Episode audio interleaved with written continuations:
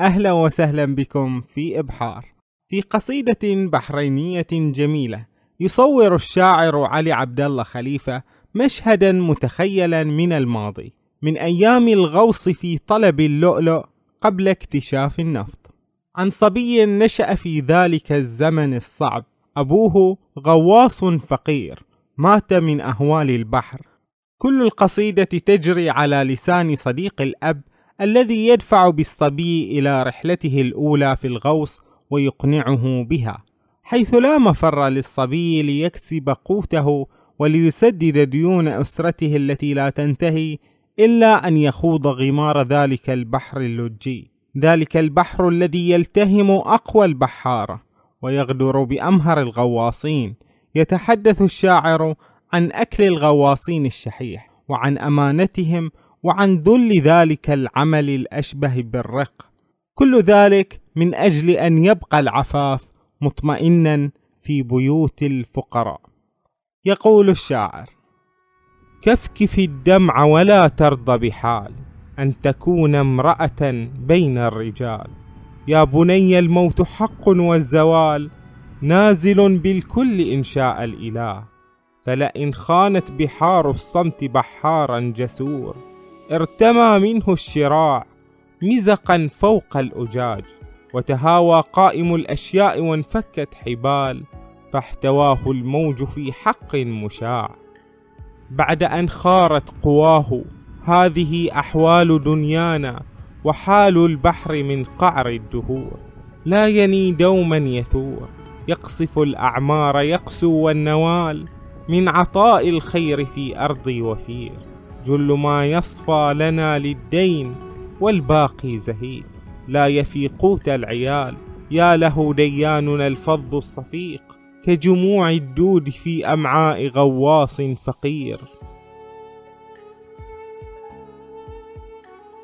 أربعون العمر في الكد انقضت ورفات الجسم للحيتان في قاع الخليج والذي باق من الدين كثير. يرحم الله أباك كان لي نعم الصديق. يا صغيري واقع الحال كذا كيف الخلاص؟ لا فكاك لا مناص. من سداد الدين في دين جديد ولكي تأتي بقوت كي تعيش. إلزم الإبحار في ركب المغاص. كالمئات من رجال طبعوا النفس الثبات واستهانوا بالحياة. بالشقاء المر في كل الحياة. غربوا بالهم في ليل العذاب في متاهات العباب. بين فكي مارد يصطاد أعمار الشباب. كالذباب في خيوط العنكبوت. يا صغيري لا تبالي ودع الأهل وخذ بعض الحبال. وإزارات وأشواقا إلى بعض المنال. ستجد في النفس إحساسا يغالي جامحا بالحب للأرض وللداعين من جمع الأهالي. لا تجاري. منطق الباكين في توديع غالي. كن كما كانوا أساطين البحار. في خشوع اللحظة السوداء من يوم الفراق.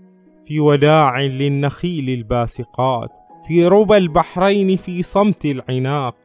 وابتسامات أمان وسلام للرجى المذعور في عيني فتاة لاعتلال الحزن في وجه الجدار للديار.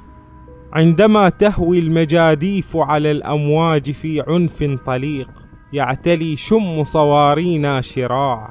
يا شراعا من خيوط الصبر في صدر العليل. ينتشي الكل كمن تاه عن الدنيا وضاع يتغنون بألحان الوداع. فيقيء الهم ما في الجوف حتى يستريح. في مواويل الأسى وانتكاسات الصراع. في بحار صمتها الداجي يخيف. آه لكن الرغيف زادنا والكل من جوع يصيح.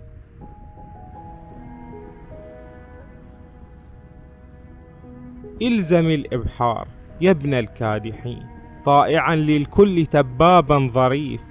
لا يمل الجري من ركن إلى ركن خفيف يعتني في لف تبغ الغائصين. واحمل النار إلى نرجيلة الربان حتى تستفيد. من عطاياه الصغيرة ومن القول السديد.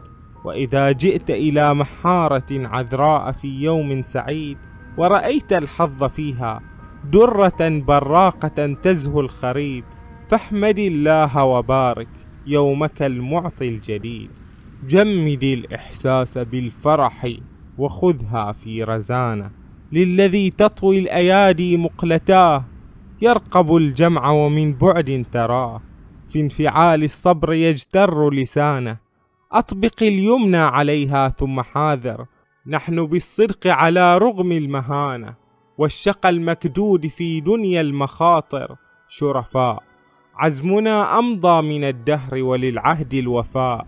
هذه كفي فسلها سل جفاف الجلد آثار حبال مزقتها. كم رعت في الغوص دانة حفظتها للذي يقتات من رزقي أمانة اغتنم سانح الوقت وخذ عن كل غواص عريق. خبرة تبقى ذخيرة مهن الغوص كثيرة. ربما تغدو رضيفا. ربما جواب أعماق غزيرة. واحذر البحر ففي البدء الدوار. عاصف يأتيك محموم الأوار. ومياه الشرب في فنطاسنا الهش العتيق.